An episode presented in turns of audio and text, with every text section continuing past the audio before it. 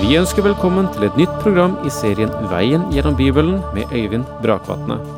Denne studieserien er produsert av P7 Kristen Riksradio og bygger på serien Through the Bible av Vernon McGee. I dag fortsetter vi med profeten Zakaria.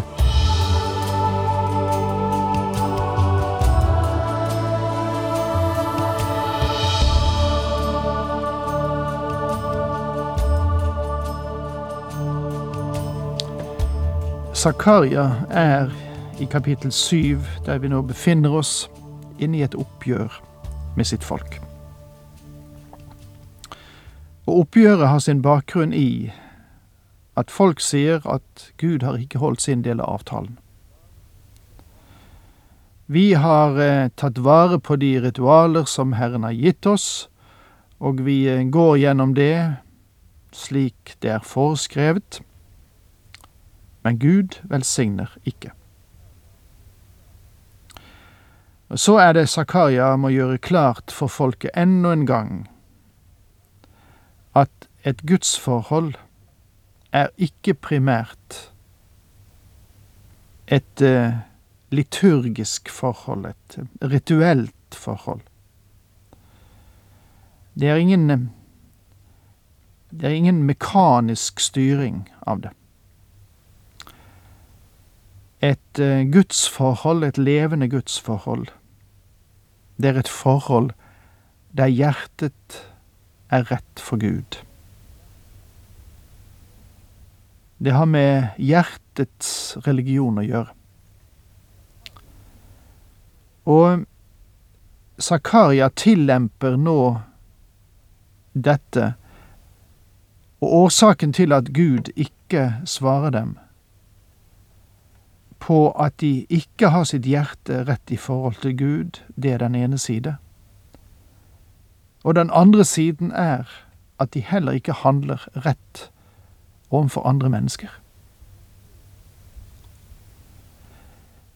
Religion, slik jøddom jødedom som den ble utøvet her, hadde ikke bare noe å gjøre med de ytre forhold, men de hadde en indre sammenheng.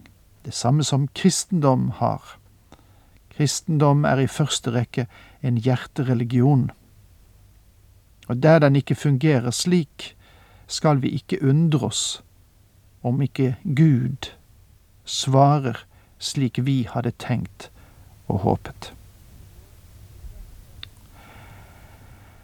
Og i vers 13, som var et av de siste versene vi tok opp sist, så, så sies det nesten som en fortvilelse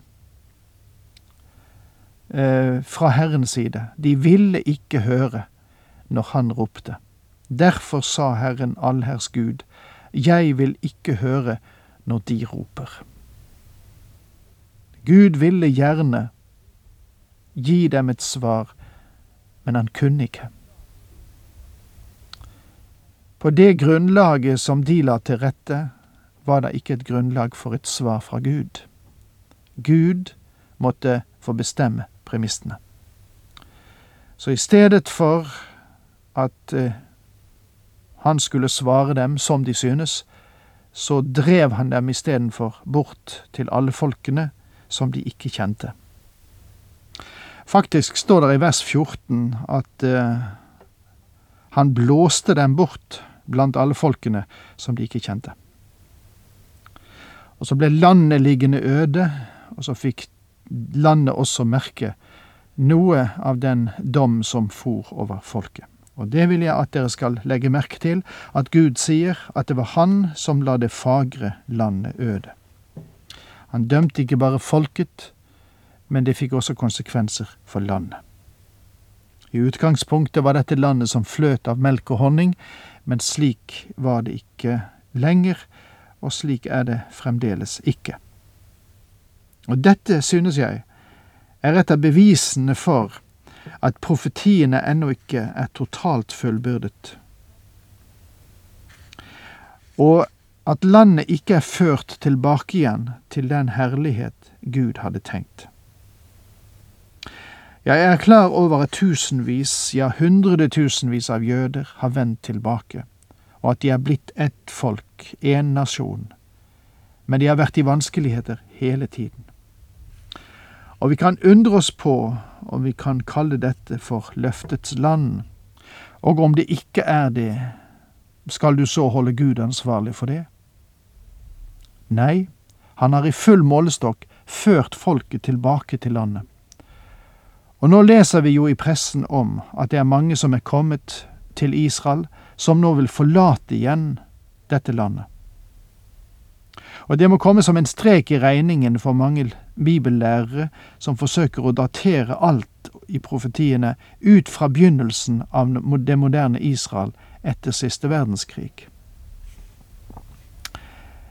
Min venn, Israel er fremdeles et land som ikke har gjenvunnet sin fulle herlighet, men det skal gjøre det en gang. Herrens løfter står fast. Og med det er vi kommet til veis ende når det gjelder kapittel syv hos profeten Zakaria, og vi er klar til å gå på kapittel åtte. Kapittel åtte er Guds tredje forklaring for folket angående deres spørsmål, nemlig Vi har vært trofaste mot ritual og liturgi. Hvorfor har ikke Gud velsignet oss? Hans første svar var at når hjertet er rett, så er også ritualet rett. Hans andre svar var at når hjertet er galt innstilt, så blir ritualet også galt. Med andre ord har ritualet ingenting å gjøre med det. Det er hjertet som er viktig. Noen fortolkere kaller kapittel åtte det positive svaret til dette spørsmålet, der kapittel syv var negative, den negative siden av svaret. Og jeg vil gjerne understreke at svaret i kapittel åtte er meget positivt. Guds hensikt angående Jerusalem er uforandret, uansett forholdene til ritualen og liturgien. Enten du tar hånd om ritualene eller ikke er nøye med dem, så kommer ikke det til å forandre Guds plan og hensikt. Og det må vi takke Gud for. Vi må takke Gud for at Han vil gjennomføre sine planer og sin hensikt, uansett hva vi finner på. Det er fem ord som forekommer i dette kapitlet som er viktige. Faktisk kan det sies at dette kapitlet sentreres omkring disse ordene.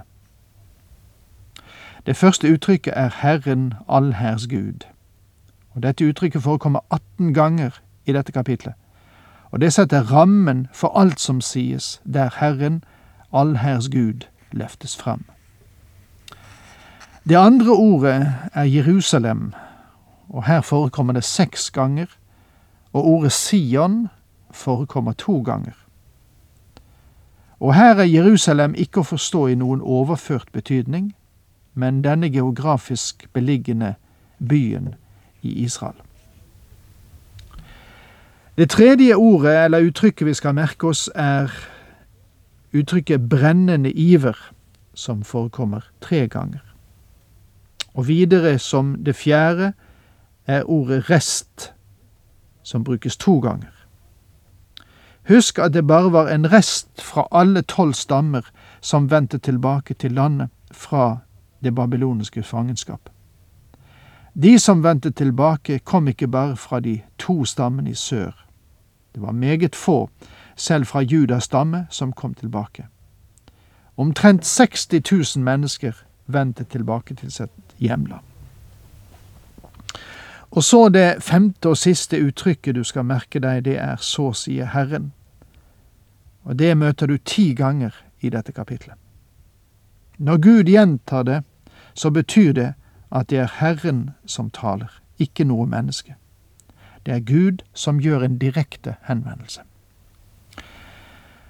Noen fortolkere synes at kapittel åtte, enda sterkere enn kapittel syv, setter de ti bud opp som et speil for Israel. Ja, jeg klarer ikke helt å følge med på det, men kanskje jeg har feil, jeg vet ikke. Min innstilling er at siste del av kapittel syv aktualiserer siste del av de ti bud og de er veiet på vektskål, og folk er funnet for lett. De kunne ikke møte Guds standard. Også i kapittel åtte, spesielt i de første åtte versene, ser vi at Guds endelige hensikt ikke er forandret angående hans folk Israel, landet og Jerusalem. Akkurat nå fullbyrder ikke Gud noen profeti totalt sett når det gjelder Israel. Jeg tror det nå er en vektlegging på kirken, på menigheten. Han kaller ut en skar av troende i menigheten, og slik jeg ser det, er menigheten og Israel forskjellige størrelser. Når Gud er ferdig med menighetens tidsalder, vet jeg ikke. Det står ikke oppskrevet i noe menneskets kalender, men det er klart i Guds kalender, men han har ikke latt noen se det ennå. Guds ord sier oss ikke eksakt når han vil løfte sin menighet bort fra jorden, men når han gjør det, har han enda noe i beredskap for sitt folk Israel. Disse profetiene her i kapittel åtte sier simpelthen at det at de har vendt tilbake til landet i Zakarias tid, selv om det er en liten gruppe, er en modell, en miniat et miniatyrbilde for den tilbakevending som skal komme i fremtiden. Da kom ordet fra Herren allherrs Gud, og det lød så. Så sier Herren allherrs Gud, jeg er full av brennende iver for Sion, jeg brenner for den med stor harme. Når Gud sier at han har brennende iver, så er ikke det det samme som menneskets brennende iver. Men han har noe av det samme i tankene. Det betyr at han er opptatt av Israel. Gud sier det samme til menigheten i dag også, om du går inn i den samme situasjonen som Israel og tror at du kan leve for verden og kjødet og djevelen hele uken og så tjene Gud på søndag, så tar du feil. Det går ikke, min venn. Gud har en brennende iver for dem som er hans egne. Han har fortalt oss angående synd i våre liv, for om vi dømte oss selv, ble vi ikke dømt, som det står i 1. Korintiabrev kapittel 11 vers 31.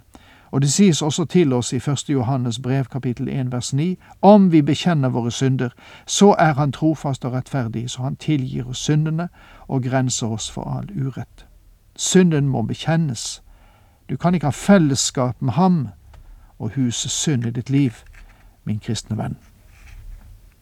Så sier Herren, jeg vender tilbake til Sion, og midt i Jerusalem vil jeg bo. Jerusalem skal kalles troskapsbyen, og berget til Herren allherrs Gud skal kalles det hellige fjell. Den profetien ble ikke fullbyrdet da noe som var åpenbart for alt folket. Nei, den har å gjøre med fremtiden. Og med det må vi si takk for nå, Herren med deg.